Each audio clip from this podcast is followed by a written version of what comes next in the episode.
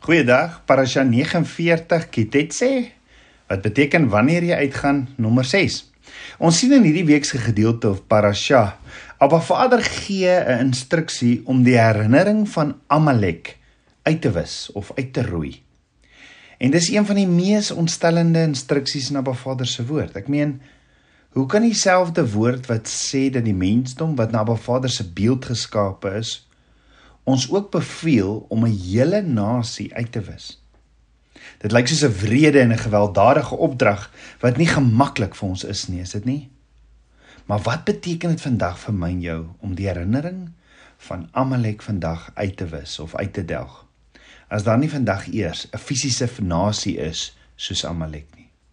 Of kan ek vra, is hierdie instruksie gegee vir die kinders van Israel en ek en jy het niks meer met dit te doen nie? Dink ons regtig Abba Vader wat alles weet, gee vir ons 'n handleiding met dinge daarin wat regtig niks met ons verband hou nie. Nee, Abba Vader is gees en gee vir ons wat geestelike wese is, iets vir die gees wat ons ook vandag nodig het. Paulus sê in 1 Korintiërs 10 vers 11: "Maar al hierdie dinge het ek hulle oorgegee as voorbeelde en as opgeskrywe as 'n waarskuwing aan ons op wie die eindes van die eeu gekom het."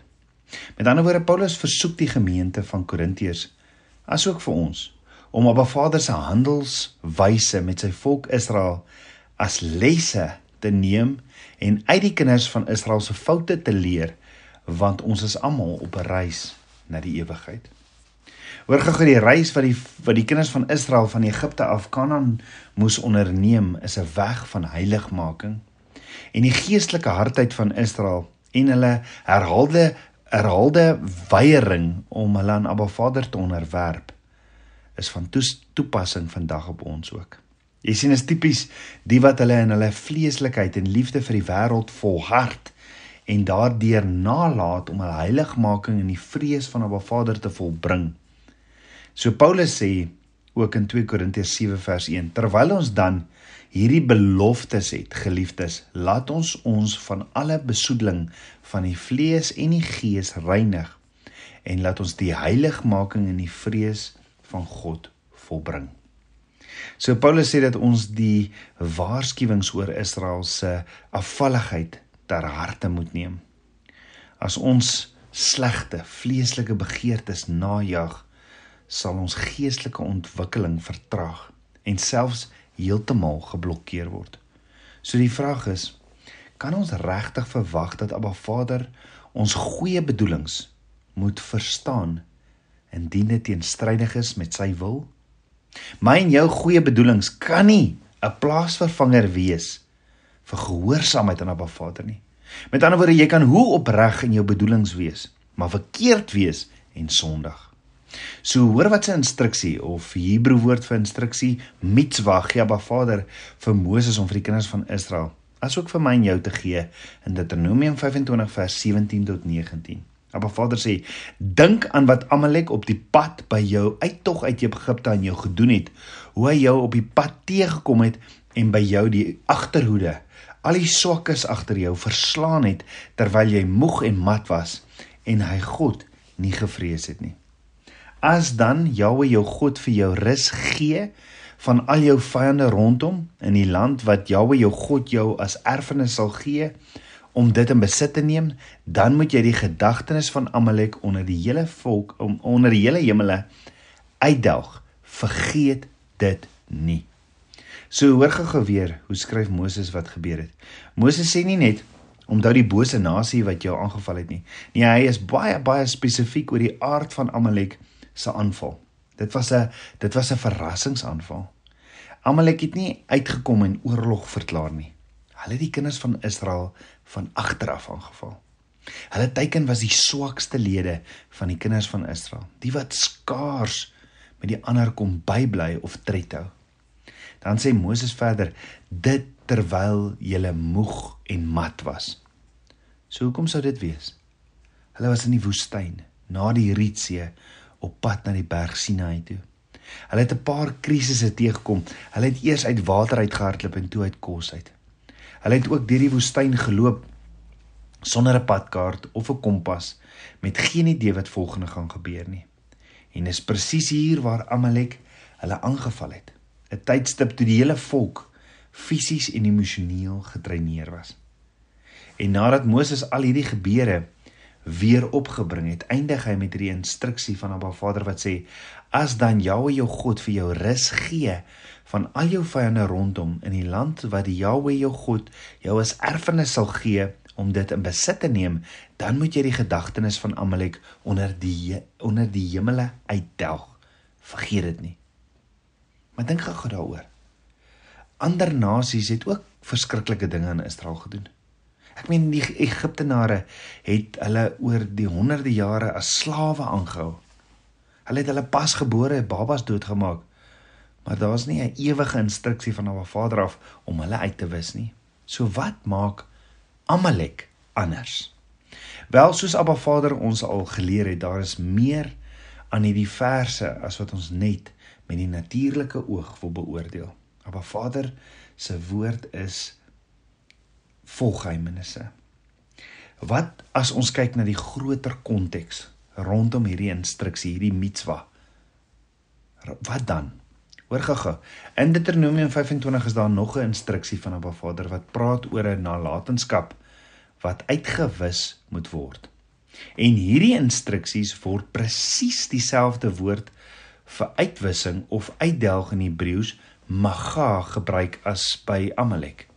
So kom ons kyk na die Bybelse parallelle vir die instruksie om Amalek uit te wis en die ander instruksie wat genoem word die instruksie van Jubim of lewereer huwelike.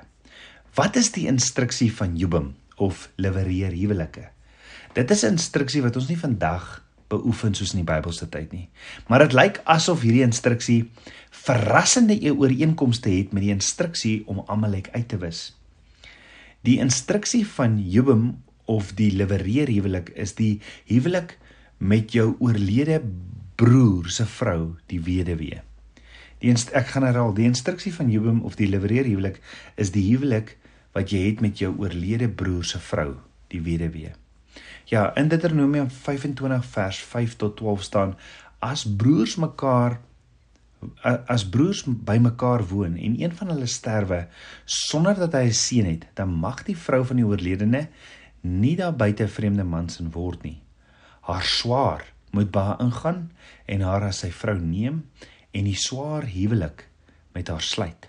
En die eersgeborene wat sy baar moet staan op naam van sy oorledene broer dat sy naam nie uit Israel uitgedelg word nie. Met ander woorde, die woord is besig om 'n om 'n tragiese situasie te beskryf. Een broer is dood sonder enige erfgename en die oorledene loop die gevaar om sy nalatenskap vir ewig te verloor. Nou die instruksie van Jubim bied 'n oplossing. Die lewende broer word gevra om in te tree en verantwoordelikheid te neem vir sy broer se familie Hy trou met sy broer se vrou, die weduwee, en baar saam met haar 'n kind wat sy oorledene broer se naam sal voortbestaan. Biologies biologies is hierdie kind actually syne, maar geestelik behoort die kind aan sy broer en dra hy sy nalatenskap. En dit is alles vir die enkele doel op hierdie manier sal sy broer se naam nie uitgewis of uitgedelg word onder Israel nie. Hoor gou-gou weer wat staan in Deuteronomium 25 vers 6 dat sy naam nie uit Israel uitgedelg word nie. Is dit nie vreemd nie? Presies dieselfde woorde in Hebreëus as wat Moses oor Amalek gesê het. Moses het gesê, "Dan moet jy die gedagtenis van Amalek onder die hemele uitdelg." Vergeet dit nie. Goed, so hierdie twee instruksies gebruik dieselfde woorde, die woord in Hebreëus maga wat beteken uitdelg of uitwis. So dit lyk regtig of hierdie twee instruksies op een of ander manier aan mekaar gekoppel kan wees. Maar om een woord in twee verskillende instruksies te gebruik en te sê daar's 'n sekere parallel is nie genoeg nie, nê. En ons kan nie regtig net as gevolg van een woord tot sekere gevolgtrekkings kom nie. Maar as ons hierdie twee instruksies van nader bestudeer, dan sien ons dalk hulle deel baie baie in gemeen. Onthou wat het Moses oor Amalek gesê? Oor wat so wreedaardig was oor Amalek se optrede. Hy sê Amalek het Israel se kwesbaarheid teen hulle gebruik as 'n as 'n aanvalspunt. Presies wat die vyand vandag nog doen. Hy val jou aan waar jy die kwesbaarste is. Maar hoe hou dit verband met die instruksie van Jubim? Kom ons kyk, daar is 'n dood in die gesin en dit los mos mense, die agterblewenes in 'n kwesbare posisie. Eerstens is daar die weduwee van die oorledene broer wat skielik want want skielik bevind sy haar op haar eie met geen man of erfgenaam van die familienaam nie. Daarom gee Abba Vader hierdie Jubim instruksie sodat die lewende broer moet sorg vir hierdie kwesbare vrou om vir haar 'n huis en 'n toekoms te gee. Tweedens, hier is iemand nog kwesbaarder en dis die oorlede broer self.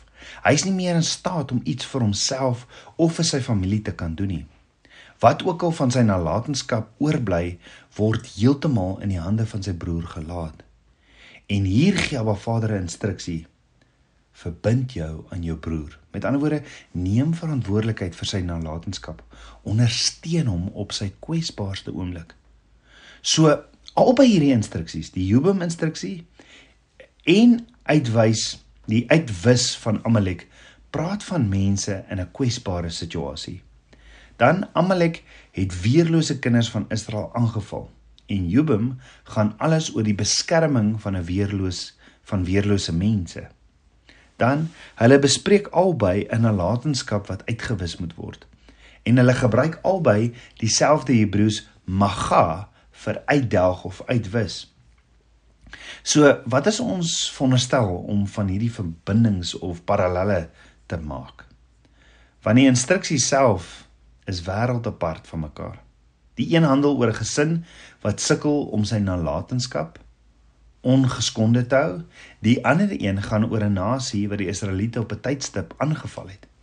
So ondanks hulle ooreenkomste is dit regtig nie so duidelik wat hierdie twee instruksies met mekaar te doen het nie. Maar wag so bietjie.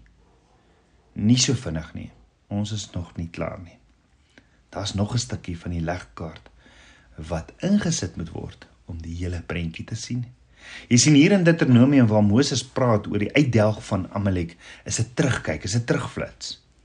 Dis net 'n oorvertelling van die ware verhaal van Amalek. Die verhaal self gebeur in die boek Eksodus. So kom ons gaan kyk gou terug na die oorspronklike verhaal om die instruksie wat Moses gegee het om Amalek uit te wis te verstaan.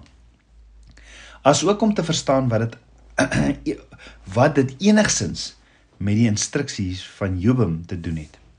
As ons eers sien wat met Moses en die kinders van Israel gebeur het toe Amalek hulle aangeval het, glo ek sal die vraag soos waaroor gaan Amalek regtig?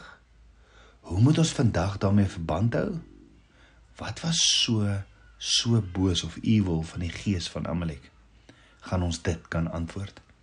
So in Eksodus 17 sien ons die kinders is reeds deur die Rietsee. Hulle is op pad na Berg Sinai toe en skielik val Amalek hulle aan. En hier kry ons baie meer besonderhede oor die geveg as wat ons in Deuteronomium toe toe Moses dit oorvertel het doen. Eerstens draai Moses om na Joshua om die strategie uit te lê. Hy sê Joshua, jy lei die magte hier op die grond. Ek gaan saam met Aaron en Hur op die berg staan. Dan staan dan Eksodus 17 vers 10 tot 13 en Moses het aan Joshua gesê: "Kies vir ons manne en trek uit, veg teen Amalek. Môre sal ek op die top van die heuwel staan met die staf van God in my hand." En Joshua het gedoen soos Moses aan hom gesê het om te veg teen Amalek. Maar Moses, Aaron en Hur het op die top van die heuwel geklim. En telkens as Moses sy hand ophou, was Israel die sterkste, maar as hy sy hand laat sak, was Amalek die was Amalek die sterkste. Maar die hande van Moses het swaar geword, daarom het hulle 'n klip geneem en dit onder hom neergelê dat hy daarop kon sit. en Aaron en Hur het sy hande ondersteun, die een diskant en die ander aan die ander kant, sodat hy sy hande dan vasgebly tot sononder. En Joshua het Amalek en sy volk met die skerpste die skerpte van die swaard in neerlaag toegebring. Met ander woorde, vir een of ander onverklaarbare rede bepaal die verhewe hande van Moses die sukses van Israel op die slagveld. Maar dan neem dinge 'n draai vir die erger. Soos die geveg aanhou het Moses se hande swaar geword en hy kan hulle nie meer ophou nie. En dis hier waar Aaron en Hur inkom. Hulle bring toe 'n klip vir Moses om te om op te sit eh, om om te sit op en hulle hou toe Moses se arms op om hom te ondersteun. En as gevolg van dit het die kinders van Israel die geveg oorwin. So ons het dus twee verhale oor die stryd met Amalek. Die werklike een hier in Eksodus en dan die ander een in die boek van Deuteronomium wat Moses oorvertel. In Deuteronomium Moses gesê dat Amalek die swakke en kwesbares aangeval het. Die kinders van Israel was moeg en hulle was uitgeput. En hier in Eksodus sien ons dat dit nie net die kinders van Israel was wat uitgeput en moeg was nie. Nee, Moses het ook uitgeput, moeg en swak geword. Sy hande het so swaar geword dat hy nie meer die krag gehad het om hulle op te hou nie. En toe dit gebeur, kom Aaron en Gur tot hulp en hou sy hande letterlik vir hom op. Maar die vraag is, wie is Aaron en Hur? Aaron is, soos ons weet, die broer van Moses. Wie is Hur? Nou ja, sy naam verskyn slegs net 'n paar keer in die woord. Maar geleerdes redeneer, Hur is niemand anders as die seun van Miriam nie, die suster van Moses en Aaron nie.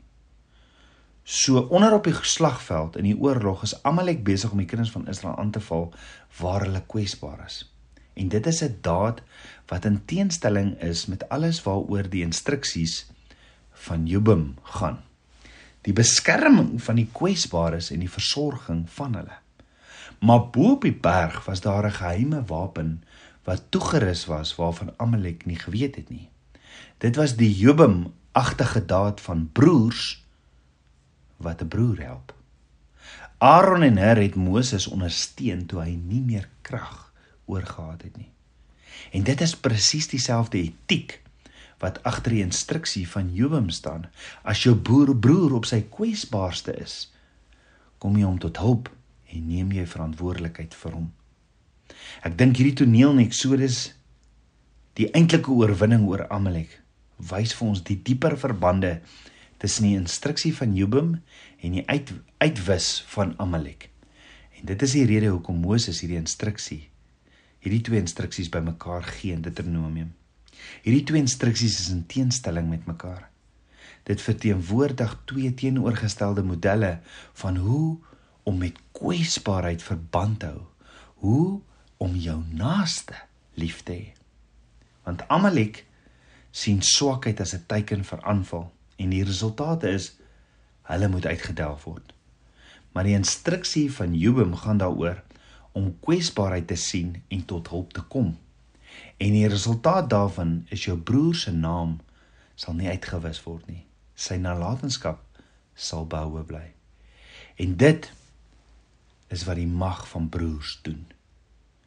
Een broer wat 'n ander broer versorg in 'n tyd van nood, soos wat Aaron en Hur Moses ondersteun het toe hy swak en kwesbaar was en wat uiteindelik die aanslag van Amalek se leer oorweldig het.